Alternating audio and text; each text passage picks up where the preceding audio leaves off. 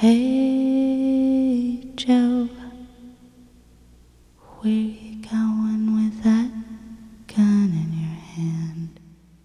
Hey Joe, I said, where you going with that gun in your hand? Hey, hey Joe.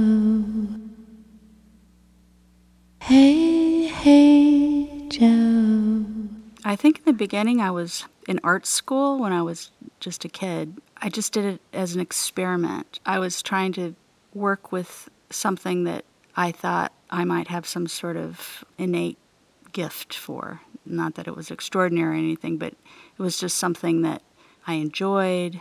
So I enjoyed singing since I was a little kid. I was uh, good at it. So in art school, I thought, well, how can you bring that kind of instinct into a visual art?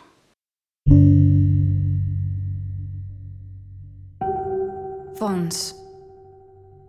Obres de la col·lecció MACBA explicades pels artistes. Kristin Oppenheim. I wasn't necessarily great at writing. It wasn't like I could translate language into the written form, so I wanted to try to use the vocal part, the singing part, but I was intrigued with language at the same time. I was intrigued with storytelling. But I thought of myself more as a to use my voice kind of like an instrument or some sort of application to expressing an idea. Now, instead of being like a gifted carpenter or something, you know, I knew I wasn't that great at building crafts. But what I could do is that I always had this voice that I could use. I just started experimenting at that level when I was in college. The first works that I used my voice and I used I recorded recordings of my voice were um, early in college. So I was still a kid, you know, I was like 19, experimenting with recordings, language, recorded language. The first ones were, were more kind of narrative or uh, nonlinear narrative experiments, not singing quite yet, but those were the first. The Hey Joe one was inspired by Jimi Hendrix' Hey Joe. I listened to it, I thought it would be interesting to do a female version. And as I was breaking the lyrics apart, just conceptually, I thought it was interesting to kind of concentrate on the metaphor of searching. So, what does searching mean to me? And then I thought of the idea somehow of using those the spotlights, the dancing spotlights, and for me, those represented kind of a searchlight. So I've kind of imagined a, a, a space where somebody might be running from the spotlight or entertained a variety of ideas, but one idea was like a prison yard. Another idea would be a stage, just with choreographed movement with the lights uh, to go along with this song that has to do with, for me, you know, it has to do with this kind of searching element. Well, I think there's two things going on. The fact that there's repetition in the language, the fact that it repeats over and over and over again, and you're in an installation as opposed to listening to the song like a traditional song on the internet or something or on the radio. Um, it's different when it's repeated and you're in there for 10 minutes. And so, in that way, it's kind of like a repeated lullaby that just never stops.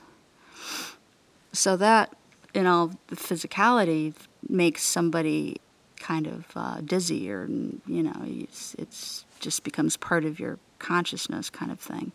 That kind of adds to the work, especially if you really stay in there for some time.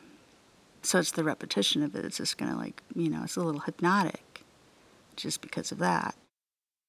I certainly knew that I would be the female talking about Joe, the guy with the gun. And what am I saying to him? What, where you, what are you doing with that? So I knew, I understood that there was going to be a dialogue between this male female character and or in the narrative. But you know, it wasn't like a huge lean on the political, although I, I'm completely aware of that my that that was kind of an interesting part of it. Certainly, my favorite thing to do is to work with musicians, for sure.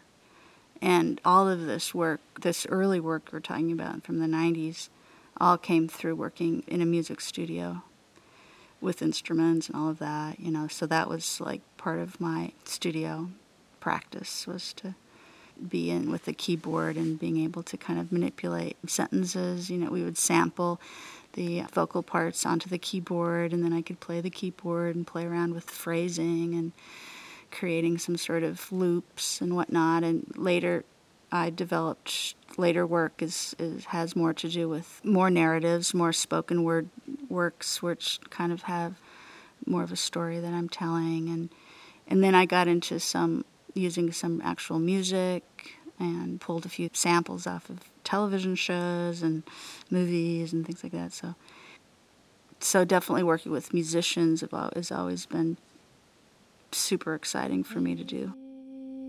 Joe, where you going with that gun in your hand? Hey, Joe,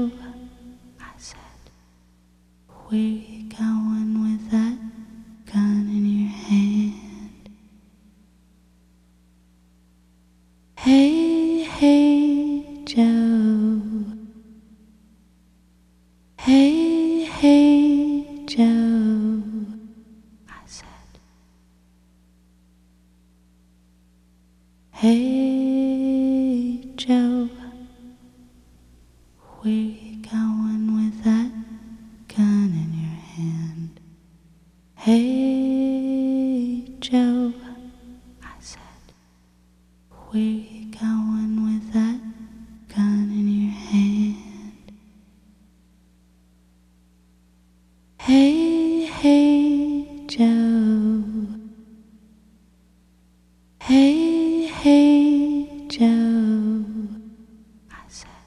you